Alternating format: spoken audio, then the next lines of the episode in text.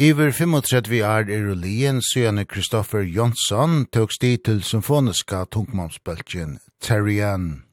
Bøkkeren hever sera visken atl årene, og nu er det til røyar vi nøytjandi utgav og søgne. Leviathan Troi var utgiven 15. desember. Som høyte sier så er hetta sønnaste parter av en trilogi. Og i samband vi nukki utgavuna har vi finnst åri av sankaran Thomas Wikström. Han er over parter av Terrian syane 2000 og tjei. Som sagt, så er dette tredje pastor av Leviathan, og Wikström høyrer ein av Samon av som søgnasta pastoren og Tamon Bavon undanfarno. Vad ska jag säga? Den är mer lekfull än de andra. Den tar ut svängarna lite mer. Och den är något mer progressiv skulle jag säga just på den här nummer tre då så har vi släppt tyglarna lite och inga regler så att säga. Och vissa av arrangemangen, jag kommer ihåg när vi gjorde körarrangemangen på de här, jag gjorde dem hemma här. Och kanalerna blev bara fler och fler och fler och fler. Det tog aldrig slut. Så att det är rätt det är rätt komplext på sina ställen. Men jag tycker fortfarande att det är tillgängligt om du förstår vad jag menar. Och vad den här processen varit att här i inspelet alla de tre, tre albumen samtidigt eller var det en paus emellan? jag och Kristoffer då, vi hade en konversation, vi ska nog göra ett till album snart och Sio sa ja visst. Och då kom pandemin och total lockdown där vi där jag bor i Spanien.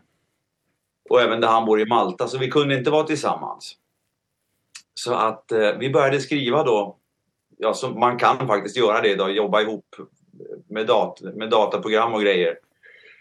Och började skriva då ihop. Det fanns inget annat att göra. Så vi jobbade 9 to 5 nästan varje dag. Och innan vi visste ordet av så hade vi så mycket låtar så att det ja det låg det var som en hög alltså. Och alla är väldigt olika stilar. Så då sa Kristoffer det att låt oss göra tre stycken album istället för ett. Och ja, varför inte? Så allt skrevs i samma era, i stort sett allting, 95 procent allt skrevs då i samma veva så att säga under pandemin. Men de spelades in, ettan, tvåan, trean spelades in ganska så separat. Med ett års mellanrum skulle jag tippa på någonting sånt. Three, they passed us through.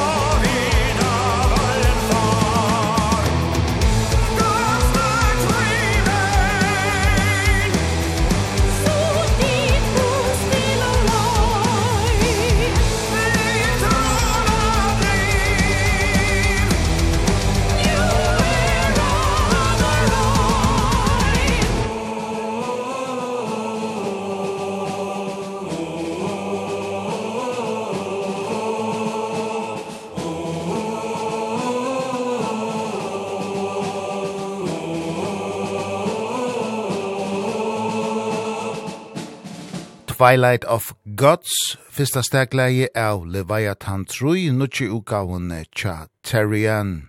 Nujanda utgava torra vær tøk 15. desember. Teir og Kristoffer Jonsson og Thomas Wikström som skriva tonløyken tja Terrian, medan teir i ståra mun er Per Alpinsson som skrivar tekstenar. Hoast Albinson ikkje er limer i Terrian, så rikkar hetta samstarvi sera vel, helde sankaren Thomas Wikström. Og så det är primärt dig och, deg og Kristoffer som, som skriver hela musiken? Primärt, ja. Fast texterna skrivs då av en, en, en kille som heter um, Per Albinsson. Som, för att när vi skriver då så gör jag en, en, en slasktext så att säga, så jag har något att sjunga. Så att man har Lasse Labra, de kan handla om vad som helst, från jordgubbar till, till svampplockning. Och så skickar jag det till till Per och säger ungefär om jag har någon idé vad det ska handla om. Och han kan de här ämnena så bra. Mycket bättre än jag kan. Så han levererar alltid. Och vad vill du beskriva hans textunivers? Han är sån där kille som kan skriva om allt. Om jag skulle skriva säga till honom kan du skriva en sång om ja, något väldigt vardagligt en kärlekshistoria Då får jag tillbaka en inom 20 minuter som är hur bra som helst. Och sen kan jag skriva, alltså, nu du tar vi att skriva en låt om om om Shiva, den indiska guden. Då får jag tillbaks det inom en timme och det är hur perfekt alltså. Så han han kan allt, allt. Och han är väldigt språk, han kan andra språk också. Väldigt språkkunnig alltså. Så att han han är väldigt allround så att säga. Det det är några gånger man får gå in och ändra därför att en vokal i ett ord kanske inte ligger bra sångmässigt. Då kan vi ändra det här ordet. Ja visst, inga problem. Och så visst har dig och Kristoffer, hur vill du beskriva Jeres skriveforhold? Hur hur fungerar det? Hur förstår i en annan och det är en god kemi hela tiden eller det? Mycket god kemi. Den här processen har ju gjort oss vi har kommit mycket närmare varandra både arbetsmässigt och och personkemimässigt. Vi har alltid varit goda vänner men vi förstår varandra väldigt bra trots att vi är väldigt olika som personer. Vi har samma grundvärderingar i livet. Så han är mer en pragmatiker än vad jag är. Jag är lite mer äh, känslomänniska och han är inte. Och eh, på något sätt så tror jag att vi behöver varann. Han behöver mina mina grejer och jag behöver hans grejer. Så att det har fungerat väldigt väldigt bra. Det har varit väldigt produktivt. Så något vi har gemensamt är att båda är arbetsnarkomaner. Och när vi kommer till det, när du skriver musik, vad får du inspiration från? Det kan vara vad som helst, men jag, sitter, jag brukar inte sitta och vänta på inspiration. Utan jag sätter mig ner och så börjar jag klinka på, på pianot här eller på gitarren. Och så förhoppningsvis så kommer det ut något bra. Oftast är det det som är öppna dörren till en inspiration. Men det är klart ibland så så kan det ju komma något som som som något man ser eller något man hör. Vi har en låt på senaste plattan som heter Duende Och den låten kom faktiskt till, jag satt här i studion och jobbade och eh, min flickvän satt och kollade på tv alldeles för högt. Och då var det något dokumentärprogram om flamenco. Jag tänkte, undra om man kan skriva någonting och ha det här som bas liksom. Så då skrev jag den låten. Och så skickade jag till Kristoffer, kan det här vara något? Han, ja det är ju skitballt, vilket heavy metal band gör sånt här liksom. Ja men då kör vi på det. Duende det är alltså eh ett en alltså iberisk mytologi kan man säga.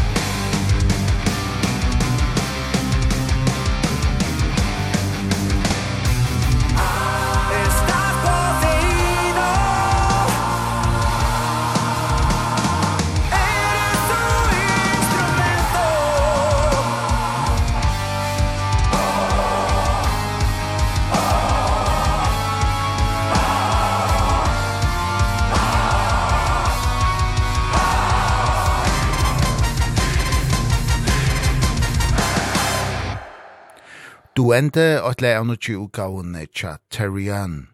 Lavaia Tantrui var utgiven 15. desember. Vi tåsa i kvöld vi Thomas Wikström, sankaran ui just Terrian. Så ser på texterna på albumen, hänger de samman som en helhet, alle tre albumen, eller kan man uh, ta dem var, för sig? Det var för sig. Det är ingen röd tråd den här gången, förutom titlarna på albumet. Och vad, vad är så texterna om på detta nya albumet? Ja, vi har Duende som jag sa, Sen har vi en en låt som heter nya singeln som det The Ruler of Tamag som eh, går ner i i turkisk historia. Det vi även har eh, turkisk sång som ligger på. Och nu när vi ska köra live så måste jag ju lära mig det utan till. det är lite jobbigt men så har vi alltid haft det i stereon. Det har alltid varit väldigt mycket konstiga ord och såna här saker. Jag kommer ihåg vi satt eh, på turné en gång i bussen. Jag hade spelat. Och satt och tog ett par, par öl efter. Och helt plötsligt tittar Kristoffer upp från sitt tv-spel. Och, ja, vi ska göra en, en, en coverplatta på franska, säger jag. Och jag tittar på honom och tänkte, nu har det gått en gasläcka i bussen. Så han börjar liksom, du vet. men jag börjar se, nej men han menar allvar alltså. Och jag säger till han, vet att det kan, kan vara ett kommersiellt självmord, säger jag då. Ja, men det skiter jag i, sa han. Jag vill göra det. Det är vad jag vill. Och någonstans så måste jag beundra det för att han bryr sig verkligen inte om om om det går bra bara han får göra det han känner. Ja men okej, okay, låt oss göra det då sa jag. Och det var den jävligaste process jag har varit med om någonsin. Jag pratar ju inte franska. Så vi gjorde den här i studion och då satt jag då är det alltså en fransk tolk som hjälper mig med uttal i studion. Och du vet hon börjar väl hata mig antagligen efter ett tag.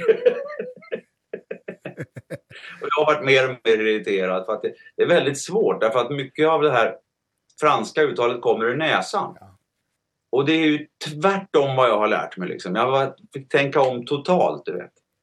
Men så kommer den här plattan i alla fall ut. Och det visar sig vara en av de större, större framgångarna i Ethereums släpp. Någonsin. Så jag, han hade rätt. Ja. Så den nästa gång det det måste kasta det och det färska språket. Det är oss som är speciellt. Bara färöiska nästa gång. ja.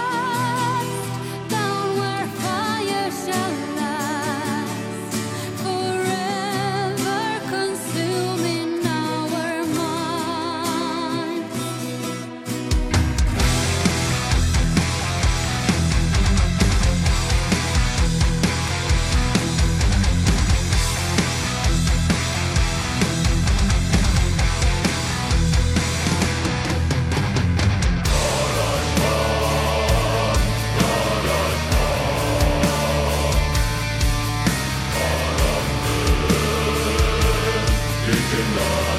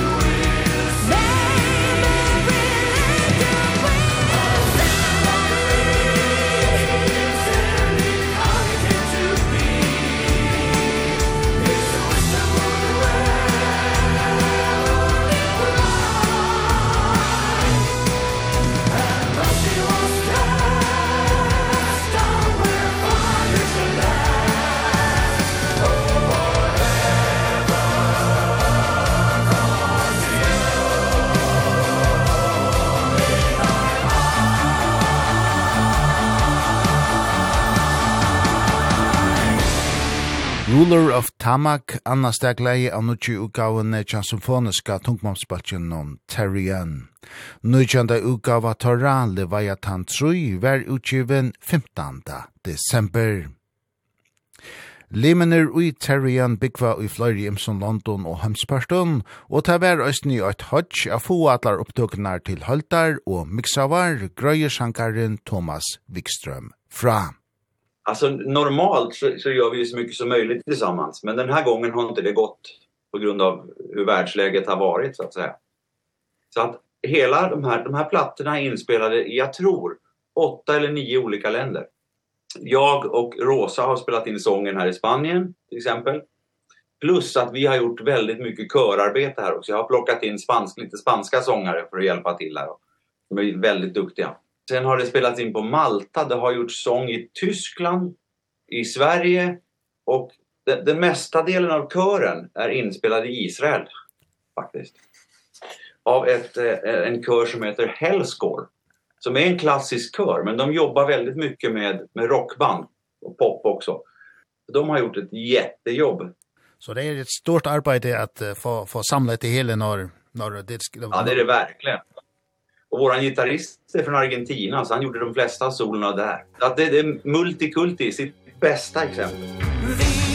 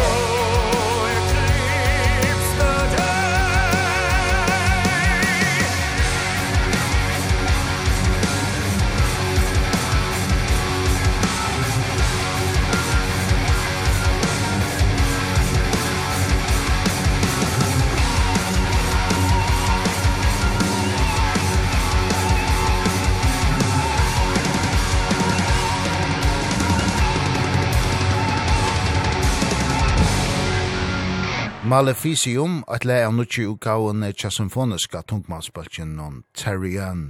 Nutjanda utgava Torra, Leviathan 3, var utgiven 15. desember. Thomas Wikström hever vært parter av Terrian siden 2006, og han heldur at tilgångten til hverje utgave han loteker av er han samme. Vi har egentligen ingen plan för hur, hur det utvecklas, utan det blir vad det blir när vi har skrivit de här det här albumet till exempel så har vi inte haft några som helst riktmärken att så här ska vi göra och så här ska det låta. Utan vi har bara skrivit och det det som kommer ut det kommer ut och det här är tydligt var vi var vi är någonstans idag tycker jag. Och det roliga är med Ethereum och och skriva med Ethereum det är att det, det finns inga regler. Jag frågade Kristoffer just den frågan som du säger hur ska vi vilken inriktning ska vi ta nu? Det spelar ingen roll, bara det blir bra, säger han. Okej. Okay. och då blir det en sån här massa olika låtar. Men jag tycker ändå, även om det är så, så olika stil, så tycker jag ändå att det är något som håller det samman. Det låter Therion ändå. Och vad det är, det kan inte jag förklara, utan det, det blir bara så. Ja, det är måske Gers personlighet som kommer som som som som Ja, som, det måste vara så. Precis, precis. Precis.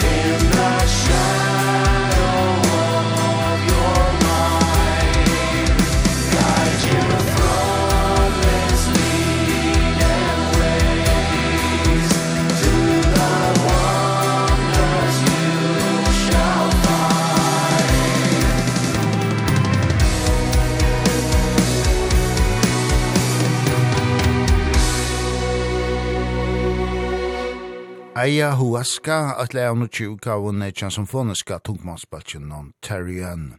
Nøytjanda ukava torra Leviathan Trui ver tøk 15. desember.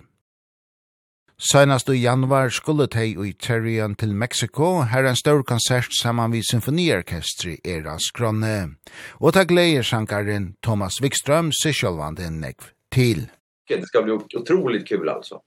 Och biljetterna säljer som smör för de bokade alltså en jättearena.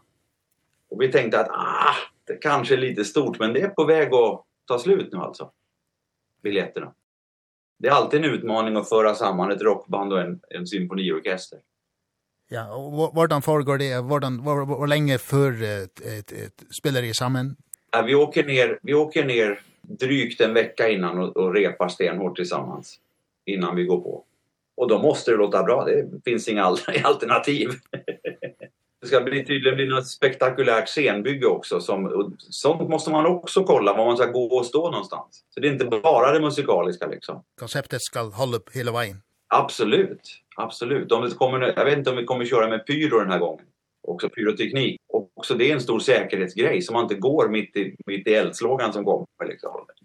Och så efter efter uh, Mexico showet kan vi förvänta seger här i Europa till sommars eller? Ja, det är precis vad som är tanken. Eh Europa, kanske Kina.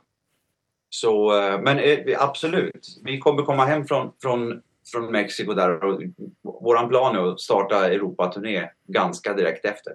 Och sen så kör vi på tills eh, tills ingen vill ha oss mer. ja ja. Ja.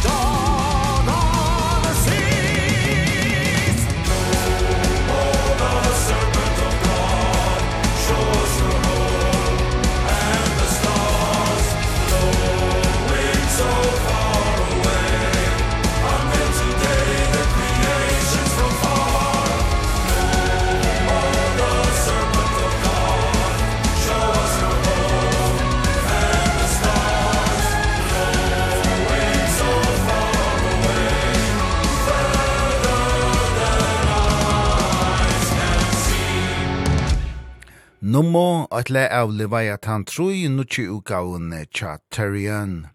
Nutjanda utgava torra hver tøk 15. desember. Sangaren og Terrian Thomas Wikström er en ekvelia ombyen tonløygare og framløyare, og han hever med anna vere sangare i Candlemass, Stormwind, Brazen Abbott og Dark Illusion. Og han hever i løtni i Øysne Fløyre verskatlaner køyrande vi suginar av Terrian. Alltså jag har jag jobbar ju mycket åt andra här i studion. Och eh, det kan vara allt från från pop till till metal som kommer in. Och jag gör ofta deras körarrangemang och såna här saker då. Det är så jag betalar min hyra. Men eh, ja och sånt och sen så har jag ett litet sidoprojekt som heter Alena som är ett visprojekt på svenska. Som som jag är väldigt glad i alltså, väldigt kul alltså även där så har jag använt har vi använt oss av eh, Per som skriver texten till Ethereum. Här får han visa en helt annan sida. Ja, det är den svenska visetradition som kommer till sin rätt där, eller? Ja, och det är något jag har upptäckt på senare år att det är ganska häftigt. Det är kul att jobba med. Man be får berätta mer än man får sjunga och det, det jag tycker det är kul. Och vi har också gjort precis som som vi gjorde med Ethereum. Vi har suttit i olika olika länder och jobbat. Det är jag Per då Och så en kille som, han heter faktiskt Paris. Eh, vi tre har jobbat med det här.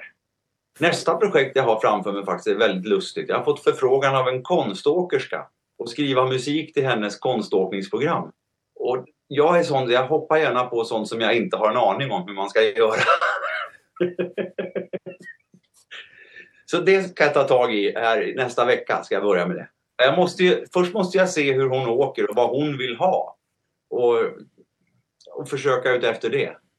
Och så har man ju en tidsbegränsning. Det måste det jag har förstått de här programmen håller sig inom en och en halv minut eller något sånt där.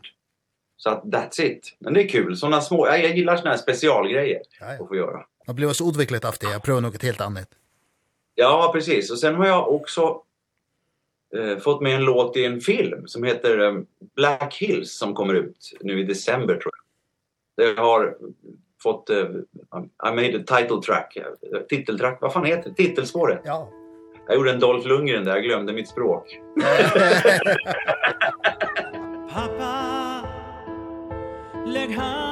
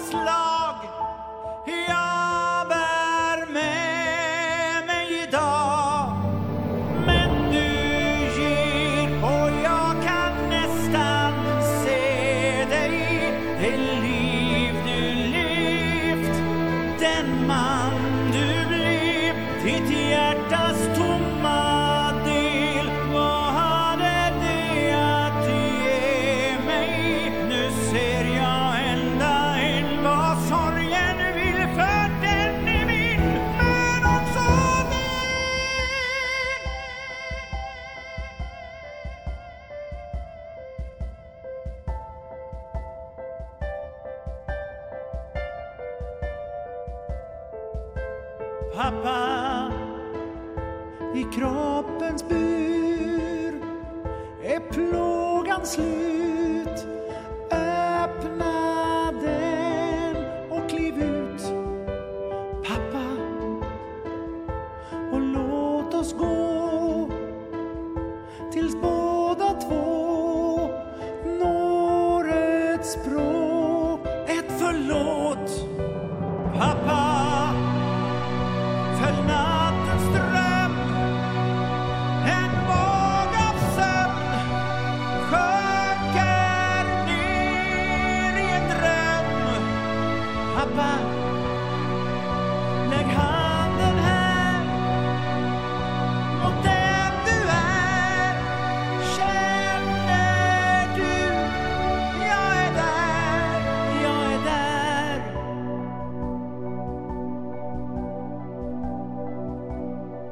Vi tar tosa vi Thomas Wikström, sangaran i Altjava symfoniska tungmamsbalchen om Terrien. Vi tosa vi om nutsi utgavuna Cha Terry Ann, Leviathan 3, som var utgiven 15. december. Wikström grødde òsni fra Ørum Verskatlanon, han er pastor i av, middelen anna Alaina, som 26. oktober kom vi debututgave Syne, blikk. Og vi enda vi vi anna vi just Alaina, nevnenlige pappa.